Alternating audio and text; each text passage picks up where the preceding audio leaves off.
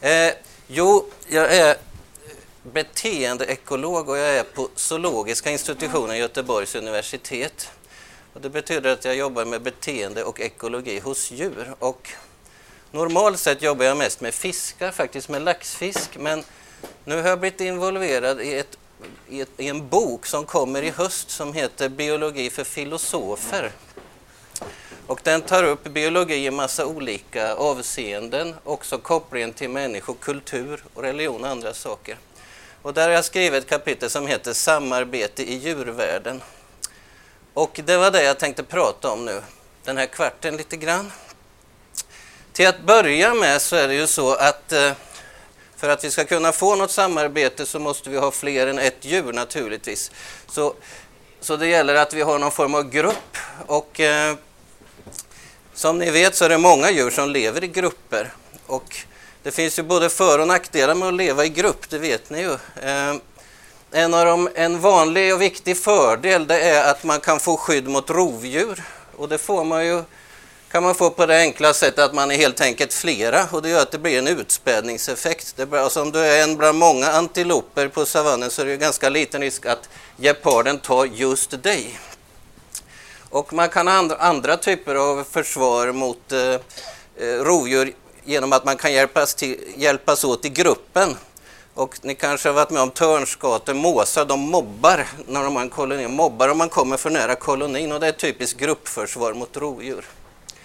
Eh, annan fördel man kan ha av att vara i grupp det är att man kan få information från eh, individer som lyckas bra i gruppen helt enkelt. Om de hittar mat så kan man få information från dem, vart maten finns.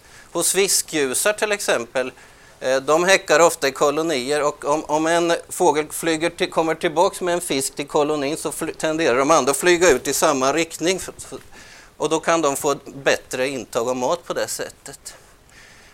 Men och, men det finns ju också nackdelar och det är naturligtvis att man måste konkurrera om maten. Och en annan sak som man kanske inte så ofta tänker på är att i täta grupper så sprids sjukdomar och infektioner mycket snabbare. Så det kan vara nackdelar med att leva i grupp också. Eh, men hur uppstår samarbete hos djur då? Ja, om, om man har ganska långvariga gruppbildningar så att individer träffas återkommande, då uppstår det möjligheter för samarbete. Och inom biologin så brukar man dela upp det här samarbetet i tre huvudtyper ofta. Det första brukar man kalla för mutualism. Jag vet inte om ni känner igen det ordet, men det betyder egentligen att båda eller alla parter har en fördel av att de hjälps åt. Så det, därför är det ganska oproblematiskt att förklara sådana samarbeten. Eh, den andra typen brukar man med ett fint ord kalla för reciprocitet. Med ett mera vanligt ord så kan man kalla det för tjänster och gentjänster. Och det tror jag säkert ni känner igen. En individ hjälper en annan och så förväntar man sig att få den här tjänsten återgäldad på något sätt. Eh, den tredje samarbetstypen brukar man kalla för altruism, som vi kanske kan översätta med osjälviskhet helt enkelt. I biologiska termer kan det betyda att du som individ helt avstår från att fortplanta dig själv och istället hjälper andra. Eh, de här huvudtyperna tänkte jag att jag skulle prata lite mer om. Eh, mutualism då, det kan till exempel vara när en flock lejon hjälps åt att lägga ner ett större byte, till exempel en vattenbuffel som ni kanske har sett på tv någon gång. Och alla tjänar på detta, för ensamt lejon är det väldigt svårt att fälla ett så stort byte. Så det är typ, typexempel på mutualism. Det behöver ju inte innebära att alla i gruppen har precis samma fördel, att det är helt rättvist. Det kan till exempel vara att lejonhannen får äta först, får de bästa bitarna fast han inte ens har hjälpt till och så vidare. Men det behöver inte vara precis rättvist för att det här ska evolvera biologiskt, utan det räcker med att alternativet att samarbeta är bättre än att inte göra det, kan man säga. Ett av de klassiska exemplen på mutualism, det brukar man prata om, det gäller så kallade putsarfiskar som, som sätter upp rengöringsstationer på korallrev. Och eh, det har man betraktat som ett väldigt snyggt exempel på sån här mutualism. På ett korallrev kan det finnas väldigt många fiskarter som ni vet och kan, en sån här eh, putsarfisk, eh, en av de vanligaste arterna, den heter förresten Labroides dimidiatus på latin och den är faktiskt släkt med våra berggyltor och blågyltor som vi har här på västkusten. Den kan dessutom byta kön, men det hinner vi inte gå in på i detalj så mycket nu. I alla fall, den här putsarfisken sätter upp rengöringsstation. Det kan komma upp till 50 olika arter och kundfiskar och den hjälper då till, den plockar bort parasiter från den här fisken. Så kunden blir av med parasiterna och putsarfisken får mat. Perfekt samarbete. Men det här kunde förstås inte forskarna riktigt nöja sig med att det är så här himla snyggt så de, på senare tid har man tittat närmare på det här och upptäckt att det är inte riktigt så där tjusigt som det först verkar. För det visar sig nämligen att ibland så fuskar de här putsarfiskarna. Så istället för att ta parasit så käkar de upp något fjäll eller en bit skinn på den här kunden. Och det är ju inte så bra naturligtvis och då undrar man eh, hur ska ett sånt här system fungera om den ena inte gör det den ska i samarbetet.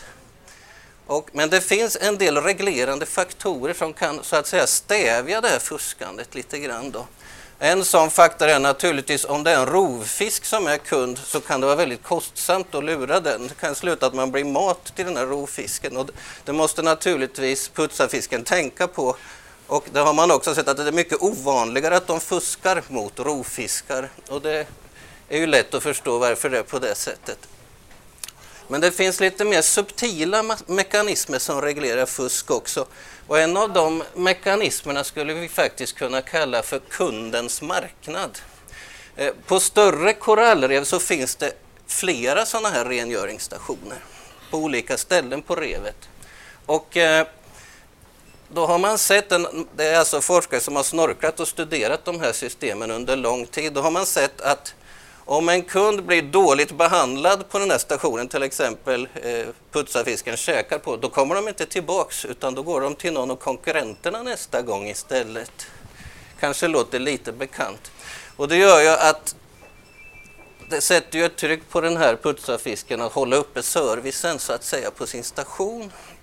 Så att kundens marknad verkar kunna fungera som en fuskreglerande faktor på större korallrev. Och då kan man upprätthålla de här samarbetena på grund av sådana mekanismer. Så det var lite om mutualism, då, den första typen av samarbete. Den andra kallar jag för reciprocitet. Jag tror vi säger tjänster och gentjänster för det är lite lättare att förstå vad det rör sig om då.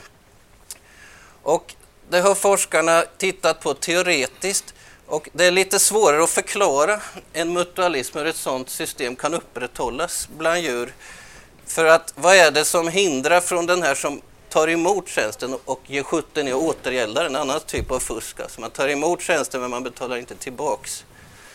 Och för att göra det lite enkelt så kan man säga att teoretiskt sett så verkar det krävas att man har ganska långvariga gruppbildningar så att samma individer träffas flera gånger. För då finns det möjlighet för kontrollmekanismer att verka då kan man säga. Och man, man har lite, gjort lite olika modeller. Och en strategi som verkar fungera det är lite den här tand för tunga-strategin. Alltså ungefär gör mot din nästa som din nästa gjorde mot dig sist ni sågs. Så det innebär om man blivit schysst behandlad så är man det tillbaks och tvärtom. Det verkar funka ganska bra evolutionärt då. Och man har även sett att det kan faktiskt fungera och vara lite förlåtande också. Så att om du har Säg att du har en sån här reciprok relation och den, den andra återbetalar tjänsten i nio fall men kanske fuskar en gång och tio, då kan det vara okej. Okay. Man kan se mellan fingrarna med det lite då, det funkar ändå. Vi skulle kunna säga att det är saligt att förlåta åtminstone lite grann då. Så att, så att i vissa fall kan sådana här system fungera. Och eh, det förekommer alltså inte bara hos människan utan också hos andra primater till exempel babianhonor som turas om att putsa varann. Och det förekommer även hos fåglar, svenska fågelarter som svartvit flugsnappare till exempel. Där eh, flugsnappare som har angränsande revir, de kan då, om någon blir attackerad av en, av en rovfågel kan de få hjälp av grannarna och försvara sig mot den. Och så nästa gång så återbetalar man den tjänsten då. Fuskar man däremot så får man ingen hjälp sen om man råkar illa ut själv. Så det förekommer även hos fåglar. Och ett paradoxalt exempel eh, på ett djur som det här förekommer hos det är faktiskt vampyrfladdermus. Eh, mytologiskt så eh, tänker man ju mera på Dracula och sådana här, man tänker på va vampyrfladdermöss, men de kan faktiskt vara hjälpsamma i biologisk mening då. Vampyrfladdermössen som ni vet, de lever ju av blod. De lever i Mellan och Sydamerika och det här blodet suger de från nötboskap och de lever i stora grupper i grottor, flyger ut i skymningen och jagar och sen kommer de tillbaks. Och då är förhållandena så att om du lyckas hitta ett sånt här byte, då får du väldigt mycket. Du får mer blod än du kan äta för stunden så att säga. Misslyckas du däremot några dagar i rad, då, då dör de här fladdermössen. Så det är lite allt eller inget. Antingen går det bra eller också går det väldigt dåligt. Och då har det visat sig då att, eh, att lyckos, sådana här fladdermöss som lyckas hitta mat, de, de spyr alltså upp lite av överskottet till kompisar som har haft mindre tur. Och sen nästa gång vid ett senare tillfälle så kan de få tillbaks motsvarande om de själva haft otur och hittar det här blodet nästa natt. Eh, så på det viset så kan man säga att vampyrfladdermusen köper sig en försäkring mot framtida svält. Skulle vi kunna uttrycka det så. Så att eh, tjänster och gentjänster fungerar eh, hos och ganska många olika typer av djur kan vi se den här typen av beteenden. Och då har vi kommit fram till den här sista samarbetsformen som vi kallar för altruism. Då. Och eh, då är det frågan om beteenden när en individ helt avstår från att fortplanta sig själv och istället hjälper andra. Och det där kan ju vara svårt att förklara evolutionärt. Hur kan en sån strategi, strategi vara framgångsrik? Man låter bli att fortplanta sig själv. Då får man ju inga avkomma för inte generna vidare. Hur fungerar det? Och en forskare som kom, kom med en väldigt bra förklaring till det här, han hette William Hamilton. Och han menade då att det är inte bara frågan om för att vi, att, att vi ska det viktiga är att vi för våra gener vidare på något sätt och det kan man göra antingen genom att skaffa egna barn eller också hjälpa släktingar. Eftersom vi inte bara släkt med våra egna barn utan även med släktingar på olika sätt. Om vi tar ett exempel så här. Säg att någon av er har möjlighet att hjälpa er syster att få tre extra barn som hon inte skulle klara av att få utan er hjälp. Då har ni ett släktskap med era syskonbarn som är 25 procent i genomsnitt, alltså släktskapskoefficienten är 0,25. Då kan vi säga om ni hjälper henne att få tre extra barn, kan vi kalla det för, då, då har ni vunnit 3 gånger 0,25, jag skulle egentligen ha något att skriva på, det är alltså 0,75 genetiska enheter va? på grund av släktskapet. Men nu säger vi att ge, om ni fick lägga den här tiden på att hjälpa systern, det kostar någonting också. Vi säger att det kostar så att ni, ni får avstå från att skaffa ett eget barn då för att kunna göra det här, skulle vi kunna tänka oss. Och då är ju kostnaden ert genomsnittliga släktskap med egna barnet är ju 50 procent, det är 0,5. Det vet ni kanske. Det innebär 0,75 är mer än 0,5. Så enligt den här Hamiltons regel som den då kallas så ska ni alltså hjälpa er syster i det här, i det här fallet. Så så funkar teorin om släktskapsselektion lite enkelt. Då. Och för den här upptäckten fick Hamilton Crawfordpriset 1971. Det kan man säga det är evolutionsbiologernas Nobelpris eller något i den stilen. Och det, det ans man anser att den här teorin anser många det är den viktigaste som har kommit efter Darwins teori om naturliga urvalet. Så det är väldigt viktigt. Och den, den kan förklara väldigt mycket beteende som vi uppfattar som osjälviska då alla sociala insekter som ni ser, där getingar, bin, myror, där vi har en drottning som fortplantar sig. De andra hjälper henne, det är hennes systrar. De hjälper henne att skaffa fler systrar istället för att skaffa barn själva. Alla sådana här, alla såna här eh, typer av beteenden har att göra med släktskapsselektion. Och det, också, det, det, brukar man kalla för eusocialitet när det gäller insekter. Det går så långt så att vissa bildar sterila kaster med hjälpfunktioner. Då. Och det förekommer även hos däggdjur. Det finns en, en gnagare i Afrika som kallas för kalrotta eller ibland kallas för nakenrotta. Väldigt fult djur. Nej, det får jag inte säga. Nej, alltså, speciellt, de lever i underjordiska gångar och, och gräver gångsystem, jagar byten. Det kan bli över 200 individer i de här systemen. Och av dem så är det en hona som fortplantar sig, ett fåtal hannar. Resten av djuren är sterila och hjälper de andra. Så det är inte bara hos insekter ni har den här eusocialiteten med sterila kaster. Och den kan man då förklara eh, med till stor del. Det är ju inte bara det genetiska utan det har naturligtvis att göra med ekologiska förutsättningar också. Då. Men det, den är väldigt viktig den här Hamiltons regel. Och om vi ska runda av det hela lite grann så, så kan man ju börja fråga, har det här någon relevans för människan? Och en sak som kan vara intressant när man kommer in på människan det är, det är varför kvinnor inte, inte kan få barn hela livet. När, när, vi väl har ett sådant system så tycker vi det är självklart men evolutionärt, rent biologiskt så är det inte självklart. Varf, varför har kvinnor menopaus och lever en stor del av livet utan att få barn? Nästan alla andra, andra djur kan i princip få barn livet ut mer eller mindre. Och det gäller principiellt även män. Hur ska man förklara det?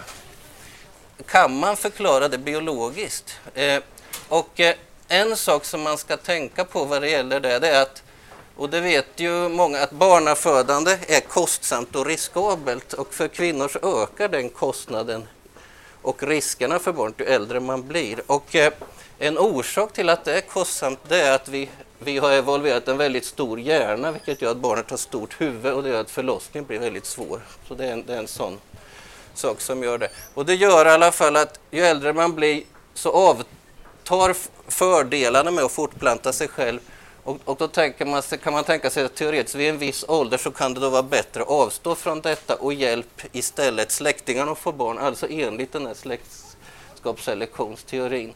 Eh, det finns en grupp finska och kanadensiska forskare som har tittat på det här då och då tittade de i gamla folkbokföringsregister i Finland och Kanada från 1700 och 1800-talet. Och då visade det sig i det här materialet då att kvin de kvinnor som hade längst livslängd postreproduktiv, så att när de inte längre reproducerar sig, de, hade, de fick alltså flera barnbarn då. Och som vi pratade om förut, då tolkar man det som att släktskapsselektion tillsammans med den här åldersberoende kostnaden har drivit fram evolution av den här menopausen hos kvinnor. Så det är ett sådant exempel där det här kan ha haft betydelse tidigare. Och eh, det leder oss in på den här frågan som debatteras mycket idag. I vilken utsträckning är biologiska förklaringar relevant för mänskligt beteende? Eh, det är många föredrag på Vetenskapsfestivalen idag som handlar just om det här, till exempel på Nordstan ikväll när man diskuterar detta. Och jag ska inte gå in, hinner inte gå in på det jättemycket, ni får dra era egna slutsatser lite grann. Men det jag vill säga är att i den grad biologiska förklaringar är relevanta så kan man inte använda dem som ett moraliskt rättesnöre. Och anledningen till att man inte kan det är att evolutionen är inte deterministisk, alltså den strävar inte mot ett högre syfte. Om vi tittar på det vi har pratat om med de här samarbetssystemen så har vi sagt att evolutionen kan gynna samarbete men också bedrägeri och så vidare. Va? Ofta gör det det i samma system och det går inte att förutsäga vad som ska hända. Så därför Därför så är det svårt att dra den slutsatsen. Sen vill jag säga också att det finns en debatt i media när man ofta ställer de här biologiska förklaringarna mot kulturella. Men egentligen så ser inte jag att det finns något motsatsförhållande utan jag tycker de här förklaringarna är komplementära för att förstå mänskligt beteende och behöver egentligen inte stå i motsats till varandra. Och eh, Sen är det ju så att som människor så har vi fått förmåga att reflektera och det kan ju ha skett genom evolution men vi har i alla fall den förmågan. Och det gör att vi har möjlighet att reflektera över våra handlingar och vi har också möjlighet då att genom våra handlingar påverka vilket samhälle vi vill ha. Och eh, biologi och biologiska förklaringar det kan hjälpa oss tror jag att förstå ibland oss själva. Men biologi, biologi kan inte ta ansvar för vår framtid. Tack.